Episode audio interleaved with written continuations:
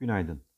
Türkiye Cumhuriyeti Merkez Bankası piyasa beklentisinin ve bizim beklentimizin aksine %19 seviyesindeki politika faizinde 100 bas puan indirime gitti ve faizi %18 seviyesine getirdi. Anketlerdeki piyasa beklentisi faiz indirimi yapılmayacak yönünde olsa da Merkez Bankası Başkanı Sayın Kavcıoğlu'nun kısa süre önce yaptığı manşet enflasyon yerine çekirdek enflasyon vurgusu faiz indirimi şüphesinin yaygınlaşmasına neden olmuştu. Kararla birlikte 8.66 civarında seyreden dolar TL paritesi kararın ardından 8.80'e kadar yükseldi. Faiz indirimleri devam ederse ayrıca kur geçişkenliğinin de önümüzdeki dönemde enflasyonist riskler açısından daha belirgin bir hal alabileceğini düşünüyoruz. Brüt döviz e, rezervlerinde ise artış sürmekte. Merkez Bankası'nın e, brüt döviz rezervleri 17 Eylül haftasında 645 milyon dolar artışla 120.8 milyar dolar oldu. Yabancı yatırımcılar yine 17 Eylül haftasında hisse senedi portföyleri e, 89 milyon dolar artarken tahvil portföyleri ise 12.3 milyon dolar geriledi.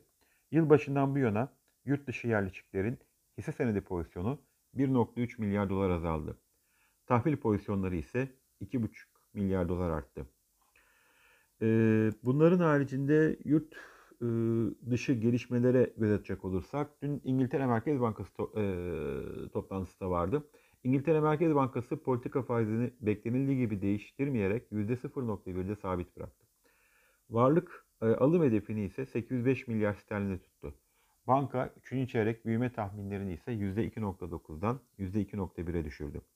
Euro bölgesi İmalat PMI endeksi Eylül'de 61.4'ten 58.7'ye, hizmet PMI 59'dan 56.3'e geriledi.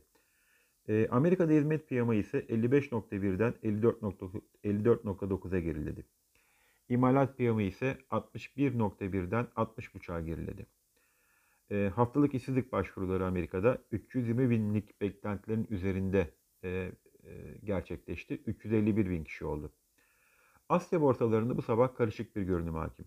Çinli Evergrande şirketinin dolar cinsi tahvil kupon ödemesinin son tarihi geç, e, son tarihi geçmiş bulunmakta ve e, şirket kupon ödemelerinin yapıldığına dair herhangi bir açıklama şu ana kadar gerçekleştirmedi. Dün tatil nedeniyle kapalı olan Japon e, ya da e, bugün Nikkei endeksi e, %2'ye yakın yükselişte. Amerika'da vadeli endeksler ise bu sabahki işlemlerde şu an için hafif negatif bir seyir izliyor. E, yurt içinde bugün Eylül ayı reel kesim güven endeksi ve kapasite kullanım verileri açıklanacak. Bu verilerle ilgili bir piyasa beklentisi bulunmuyor. Borsa İstanbul'da e, bugünkü işlem aktivitesinin öncelikle 1387 ile 1410 yatay band aralığında e, olmasını bekliyoruz. E, direnç ya da destek seviyelerinin kırılım yönü endeksin seyri açısından önemli olacaktır. İyi günler, bereketli kazançlar.